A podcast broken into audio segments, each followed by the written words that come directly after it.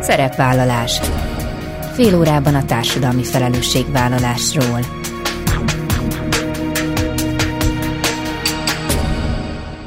Jó napot kívánok! Bíró Bori köszönti Önöket! Adásainkban hétről hétre példákat hozunk arra, hogy egy-egy cég vagy intézmény, netán magánszemély, milyen formában, milyen eszközökkel járul hozzá anyagi gondok, társadalmi problémák orvoslásához, az életminőség javításához, a fenntartható fejlődéshez. Így módon is kifejezve, hogy felelősséget érez azért a környezetért, amelyben él és dolgozik. A gyerekekkel foglalkozó felnőttek felelőssége, hogy a rájuk bízott gyerekek biztonságban legyenek. Nemrég elindult a Hintalovon Alapítvány Nemecsek sportprogramja, mely kifejezetten a sportoló gyerekek biztonságával foglalkozik, és melynek keretében például a sportszervezetek is segítséget kapnak a gyerekvédelmi útmutató elkészítéséhez, illetve a sportszakemberek tréningeket, képzéseket kérhetnek az alapítványtól. Stáli Kata pszichológus, gyerekjogi szakértő, a program szakmai vezetője avat be a részletekbe a társadalmi szövetségek motivációit, struktúráját feltérképező egyedülálló kutatás zajlik a Társadalmi Innovációs Nemzeti Laboratórium keretében. A Pannon Egyetem kutatói munkájuk során azt vizsgálják, miért éri meg különböző szövetségekhez csatlakozni. Céljuk többek közt, hogy feltérképezzék, melyek a társadalmi szövetségek közös mozgatórugói, milyen sikertényezőket azonosíthatunk, és milyen tematikus fókuszokat határozhatunk meg.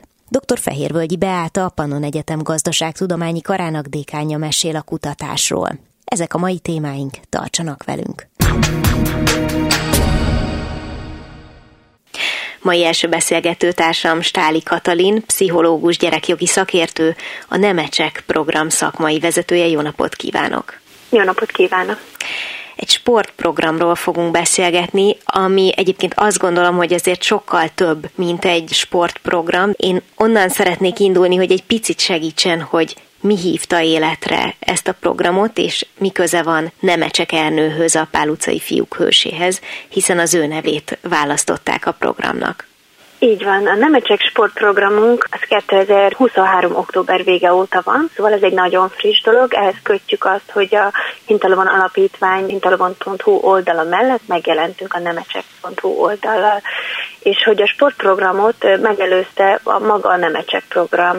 A Nemecsek program az, az alapítványnak a 2019 óta létező programja, és röviden összefoglalva azt csináljuk, hogy abban segítjük a hozzánk forduló bármilyen intézményt, legyen ez iskola, legyen ez óvoda, egy nyári tábor szervező civil egyesület, vagy akár egy sportegyesület, hogy elkészítsék a saját gyerekvédelmi útmutatójukat, és ebben segítsük őket. Azt vettük észre 2019 óta, hogy nagyon sok olyan megkeresés érkezik, ami koncentrálódik egy kicsit a sportegyesületekre, vagy így a sportok köré, hiszen iskolákból, ahogy mondtam, sokféle helyről keresnek minket pedagógusok, illetve akár szülők, vagy bármilyen szakemberek, de hogy így a sporton belül, mint hogyha lenne egy nagyobb érdeklődés erre, hogy mi mindent lehet kezdeni, akár gyerekként, akár szülőként, akár szakemberként a sporton belüli bántalmazással, és tulajdonképpen ez a motiváció arra, hogy legyen egy ilyen külön programunk is. Tehát ugye az volt a tapasztalat, hogy az elmúlt néhány évben talán több olyan történet került napvilágra, amikor olyan bántalmazásról hallottunk, ami kifejezetten a sportvilágában került felszínre, és kifejezetten gyerekekhez kötődött. Igen, én azt hiszem, hogy így a média is egyre többet beszél erről, illetve egyre többet hallunk és olvasunk ezekről az esetekről, de ettől függetlenül is mi két évvel ezelőtt kezdtünk el ezzel a külön ágával foglalkozni a gyerekbántalmazás eseteinek, és igen, így jutottunk ide egy pályázatnak köszönhetően. Ez egy eléggé hosszú előkészítő munkát jelentett, elkészítettünk egy kutatást, egy online kutatást így a gyerekkori bántalmazások a sportvilágában témájában, valamint volt egy felnőtt tanácsadó testületünk, amiben sportolók, olimpikonok vagy a sporthoz köthető különböző szakemberek vettek részt, illetve volt gyerektanácsadó testületünk is, ott pedig aktívan sportoló gyerekek osztották meg velünk a különböző élményeiket, illetve adtak nagyon hasznos hozzászólásokat ahhoz, hogy hogyan alakítsuk át a meglévő gyerekvédelmi útmutatót, amit eddig iskoláknak, civil szervezet óvodáknak adtunk, hogy az úgy azért a sportra sokkal jobban ráhúzható legyen, illetve a sportegyesületeknek hasznosabban legyen. Éppen ezt akartam kérdezni, hogy akkor az elsődleges célcsoport az a sportegyesületek világa, meg mondjuk az edzők világa? igen, és igazából nem emelném ki azt, hogy mi a célcsoportunk, bárki fordulhat hozzánk, aki amúgy is intézményen belül bármilyen bántalmazást tapasztal, vagy, vagy nem is tapasztal, hanem tenni akar ellene, hogy szeretné tudni, hogy mi minden, a, a, mi minden tehet a megelőzését, és mi minden tehet a kezelését, és hogyha már sportágon belül beszélünk, akkor pedig a, a hobbi sporttól kezdve egészen az olimpiákonokat felkészítő sportegyesületekig, szóval nem az a szempont, hogy milyen szinten sportol egy gyerek, vagy milyen elköteleződése van az adott sport irányába, csak az, hogy szervezett körülmények között legyen a sportolás, az a felnőttek hogyan teremthetik meg az ő biztonságukat. Arra gondoltak-e, illetve úgy sejtem, hogy biztos, hogy gondoltak, csak mégis az merült fel bennem, hogy amikor bántalmazásról van szó, akkor sok esetben az, aki okozza, vagy ahonnan ered a bántalmazás, tehát mondjuk így a forrás, az nem biztos, hogy tisztában van azzal, hogy amit ő csinál, az probléma, az valami hosszú távú hatást vált ki a, a gyerek életében, hogy mi arra a megoldás, vagy hogyan szeretnék azt elérni, hogy tényleg valóban olyanokhoz jusson el az útmutató, és tényleg valóban olyanok kapjanak hasznos információt, segítséget, akiknél ennek igazán helye van, és akik nem biztos, hogy mondjuk a szülők vagy a gyerekek. Igen, nagyon jó oldalról közelíti meg ezt a kérdést, hiszen ez is egy nagyon nagy probléma, hogy sokszor nem vagyunk tisztában azzal felnőttként, hogy egyáltalán mikor beszélünk bántalmazásról. A fizikai bántalmazás vagy a szexuális bántalmazás kapcsán azért nagyobb az egyetértés, úgy általában a társadalomban is, hogy mi, hol van az a határ, amit át lehet lépni, és hol van az, amit már nem tehetek meg felnőttként egy gyerekkel szemben, de például az érzelmi bántalmazással kapcsolatban már sokkal nagyobb különbségek lehetnek, akár pedagógus-pedagógus, vagy edző-edző között, hogy mit tekint már bántalmazásnak, és mi az, ami még nem bántalmazás, hanem mondjuk a motiválás eszköze. Például erről a témáról sokat beszéltünk velük. Nem csak a gyermekvédelmi útmutatóval tudjuk segíteni ezeket az intézményeket, hanem külön tréningekkel. Tehát akár az útmutató csomag részeként lehet tőlünk tréningeket kérni, amikor pont ezeket a kérdéseket beszéljük át, illetve ez maga egy képzés arra nézve, hogy definiáljuk ezeket az alapvető definíciókat. Az útmutatóban is egy külön fejezet szól erről, hogy miről beszélünk akkor, amikor bántalmazásról beszélünk. És ha már itt tartunk, akkor még egy dolgot kiemelnék, hogy nem csak a felnőttek nem mindig azonosítják, vagy tudják, hogy hol van a határ, hanem a gyerekek sem. Hogy nem mindig azonosítják bántalmazásként azt, ami velük történik. Nekik is szükségük van egy kis útmutatásra abban, hogy mi az, amit meg lehet tenni velük, és mi az, amit nem lehet megtenni.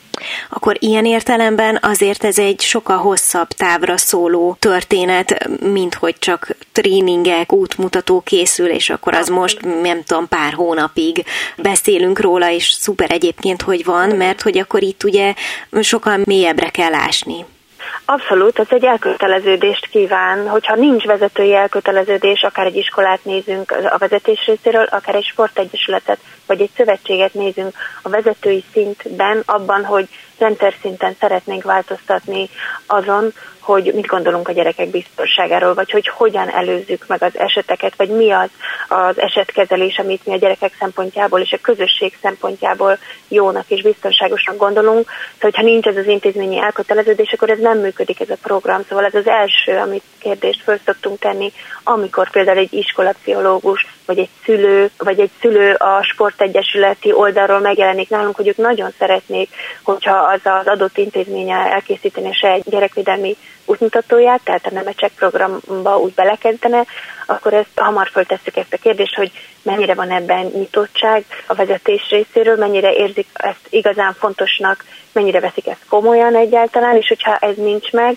akkor először ezen kell dolgozni, hiszen hogy a vezetőség is ezt teljesen komolyan gondolja, és ez akkor fog jól működni, hiszen az, hogy van egy iskolának, van egy sportegyesületnek gyerekvédelmi útmutatója, az valójában egy dokumentum egy részről, másrésztről meg egyáltalán nem csak egy dokumentum, hanem az nagyon fontos, hogy a gyakorlatban is egy élő szövedéke legyen az ott dolgozóknak, szóval tudjanak róla a gyerekek, tudjanak róla a szülők, tudjanak róla a szakemberek, hiszen hogyha nem tudják például azt, hogyha valakivel történik egy gyerekkel mondjuk iskolai ö, online bántalmazás, vagy a sportegyesületben valami olyan határátlépés, ami nem megfelelő, akkor mondjuk hova fordulhatok gyerekként, vagy hogyan jelezhetem, kinek jelezhetem ezt a problémát, milyen módokon jelezhetem, vagy szülőként nekem mi a panaszutam. Ezt egy iskolában például jobban szabályozzák már a mostani dokumentumok is, de mondjuk egy sportegyesületnél ezek azért még nem annyira szabályozott dolgok, tehát ilyen értelemben mondom azt, hogy valóban egy dokumentum, de annál azért sokkal-sokkal több, hogy ezt egy egyesület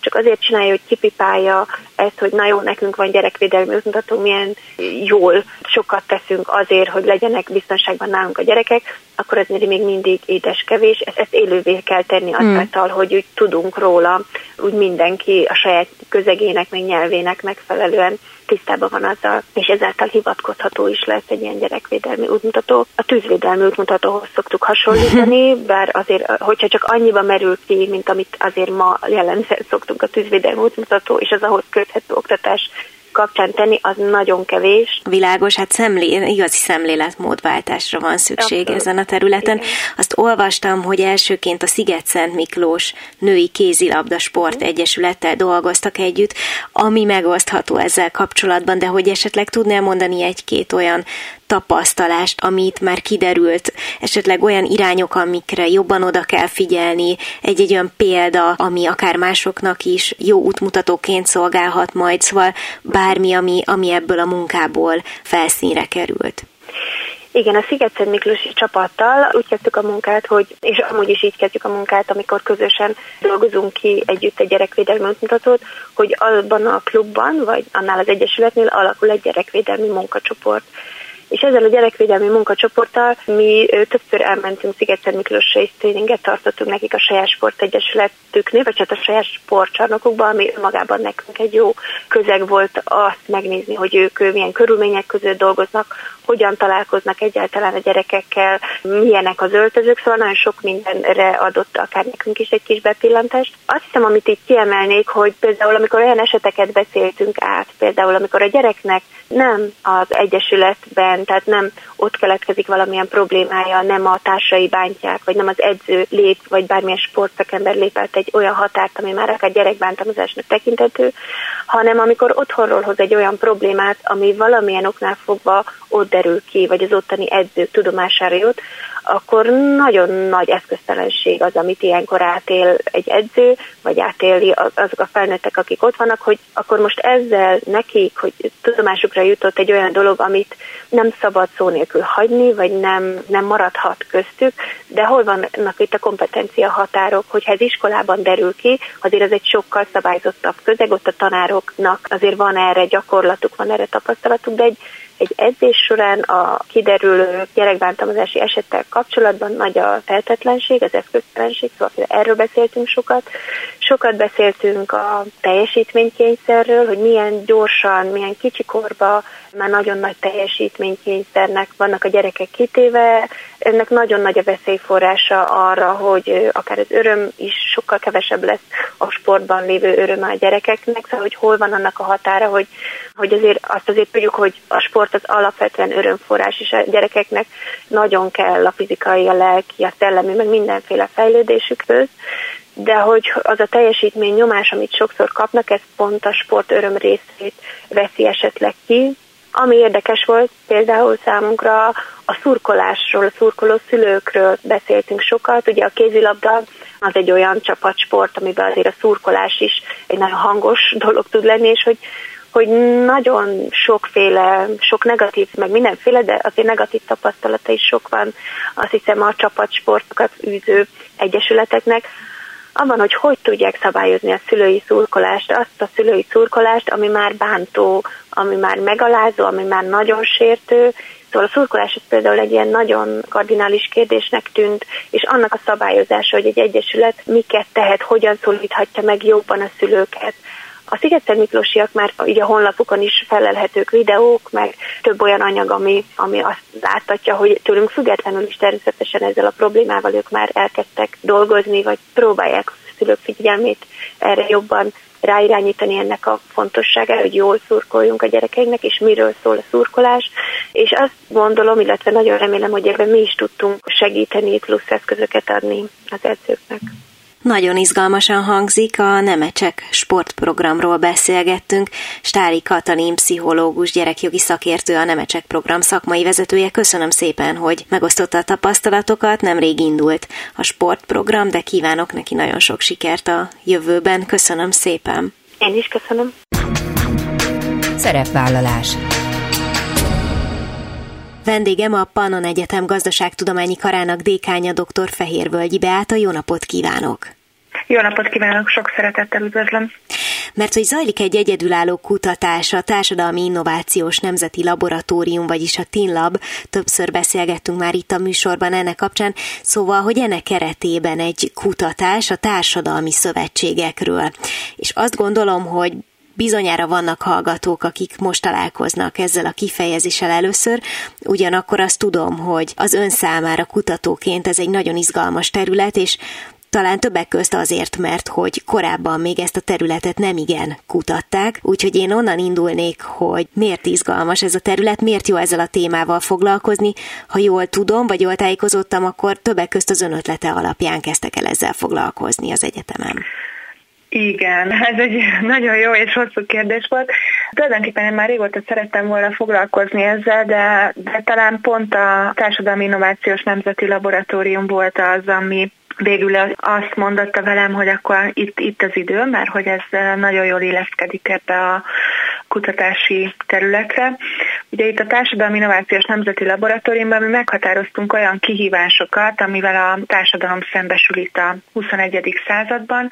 Ezek a kihívások nagyon sokfélék, a klímaváltozástól kezdve egészen a kultúra és a kreativitás átértékelődéseig tart, és ebben a Nemzeti Laborban az ELTE a konzorcium vezető, a Miskolci Egyetem és a Pannon Egyetem van még benne, illetve a Hárfa alapítvány.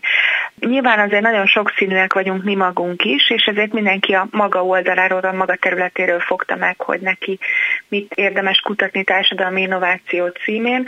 Úgyhogy mivel mi a gazdaságtudományi kart képviseljük a Pannon Egyetemen belül, ezért aztán mi elsősorban ilyen üzleti és társadalmi dolgokkal foglalkozunk, és a társadalmi szövetségek az tulajdonképpen még nagyon-nagyon régen abból a, az ötletből származott, hogy a menedzsmentben van egy stratégiai szövetségek terület, amivel nagyon sokat foglalkoznak, méghozzá azért, hogy bizonyos cégek, akik egyébként egymásnak lehet, hogy versenytársai, de lehet, hogy beszállítói egymásnak, miért fognak össze bizonyos ügyek érdekében.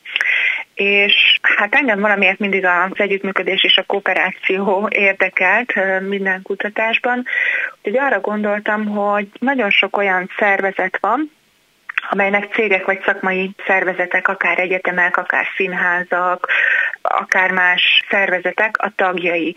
Hogy mi vezeti őket arra, hogy mondjuk egy családi vállalkozást, hogy a felelős családi vállalkozások egyesületnek legyen a tagja, miért hajlandó erre időt, pénzt és energiát szánni, hogy ennek a csoportnak a munkájában részt vegyem.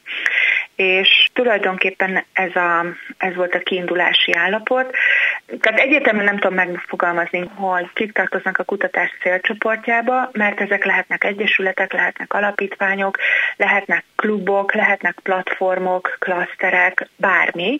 Nem is kell feltétlenül a mi szempontunk szerint jogi formának lennie, hanem az, csak az az érdekes, hogy legyen egy közös céljuk, valamilyen szervezetük és valamilyen rendszerességgel találkozzanak. És akkor tulajdonképpen azt lenne jó megtudni, hogy egyrészt miért alakulnak ők, tehát hogy miért tartják külön-külön fontosnak azt, hogy valakivel kooperációra lépjenek, másrészt pedig, hogy egyáltalán mitől lehet mondjuk hatékony egy ilyen szövetség?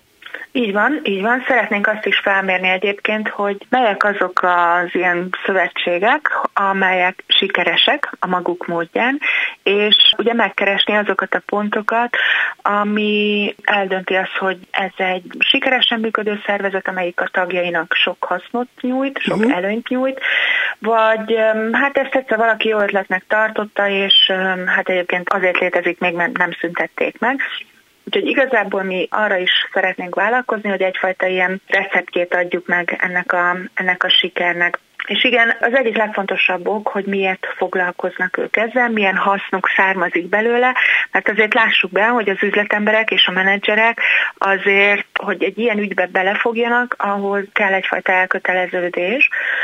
Mi azt látjuk egyébként, hogy az első és legfontosabb az a tudásmegosztás, tehát hogy egyrészt meg is akarják osztani a tudásukat, másrészt tudást is szeretnének a hozzájuk hasonló partnerektől. Bele szeretnék ebbe kapaszkodni, amit mondott, mert szerintem ez egy nagyon fontos elem, hogy a tudás megosztás az egy fontos indukáló elem, mert azért az ősidők óta tudjuk, hogy általában valami vagy valakik akkor sikeresek vagy sikeresebbek, hogyha összekapcsolódnak, hogyha nem csak az önös érdekek mentén gondolkodnak és dolgoznak, hanem mindenki beleteszi a tudását, és aztán abból valami jó kisül. Tehát, hogy ez tulajdonképpen egy ilyen ősi recept, de mégis azt mondja, hogy azt, azt azért nagyon jó lenne tudni, hogy mi a sikernek a receptje, ezt keresik, és akkor gondolom, hogy a végén egy kvázi térkép is ki tud alakulni, igen, ugye? Igen, igen, igen, igen, vagy egy checklista, uh-huh. vagy mhm. nem, nem tudom még mi alakul ki belőle, de valami hasonlót szeretnénk.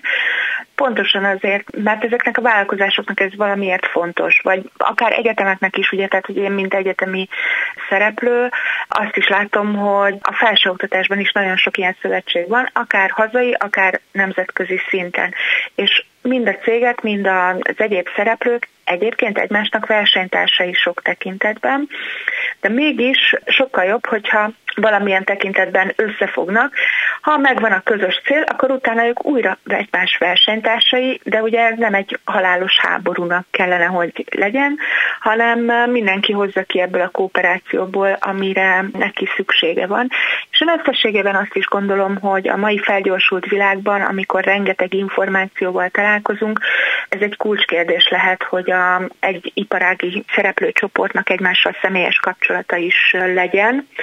Ugye ilyenkor mindig azért felmerül ez a kérdés, hogy de mi magyarok nem vagyunk annyira együttműködőek, azért nagyon sok tekintetben együttműködőek vagyunk, és keressük ezeket a közös pontokat.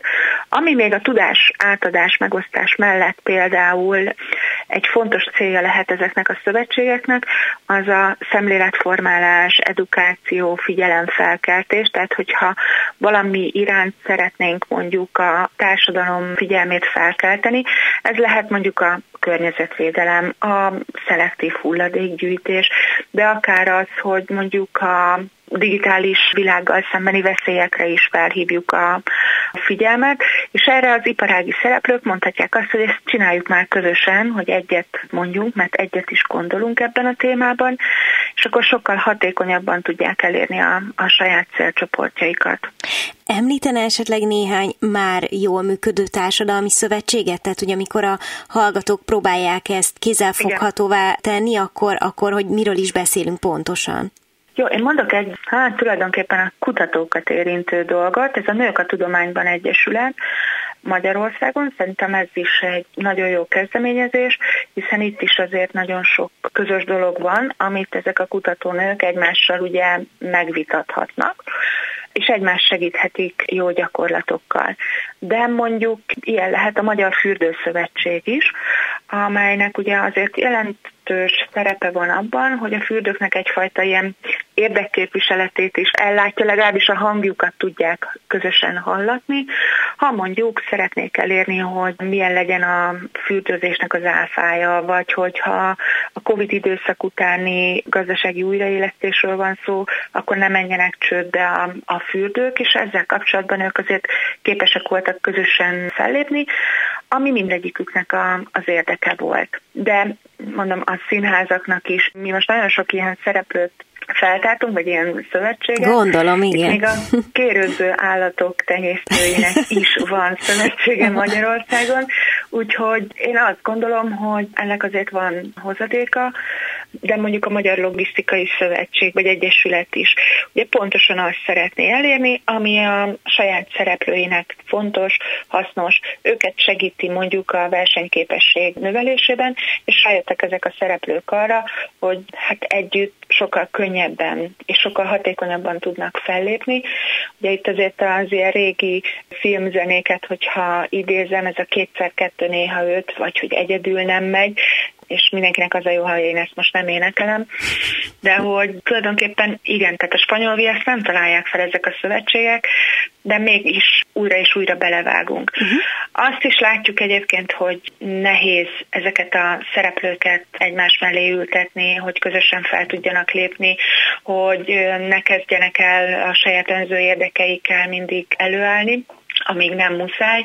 Azt látjuk, hogy ahol nagyon sikeresek, ott mindig van egy bölcs vezér, akire a többiek hallgatnak, aki az egész szövetségnek a, a szíve, lelke vagy a motorja és hogyha ő sikeresen kineveli a saját utódját, akkor ez egy nagyon-nagyon hosszú, sikeres folyamat is lehet.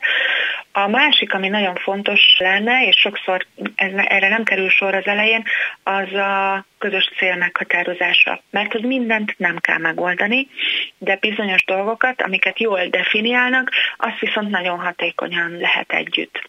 Nagyon izgalmasan hangzik, köszönöm szépen a társadalmi szövetségekkel kapcsolatos egyedülálló kutatásról beszélgettünk, és ugye említett, hogy most még nem lehet tudni, hogy mivé is áll majd mindez össze, legyen az térkép tudástár, de szerintem izgalmas lesz esetleg visszatérni majd akkor az eredményekre, úgyhogy dr. Fehérvölgyi Beátának köszönöm szépen, hogy, köszönöm hogy itt szépen. volt velünk, a Pannon Egyetem Gazdaságtudományi Karának dékányával beszélgetünk, és akkor sok sikert a kutatáshoz, és szerintem még hallunk majd önökről. Köszönöm. Köszönöm szépen. Viszont hallásra. Viszont hallásra. Ennyi fért a mai műsorba, legközelebb jövő héten szombaton 13 órakor jelentkezem. Ha bármiről lemaradtak volna, az adást vissza tudják keresni a Klubrádió archívumában, és tudják podcast formában is elérhető a szerepvállalás. Keressék a Spotify, a Google és az Apple podcastek felületein, ahol bármikor meghallgatható a műsor. Köszönöm, hogy velem tartottak, további kellemes online rádiózást kívánok. Bíró Borit hallották.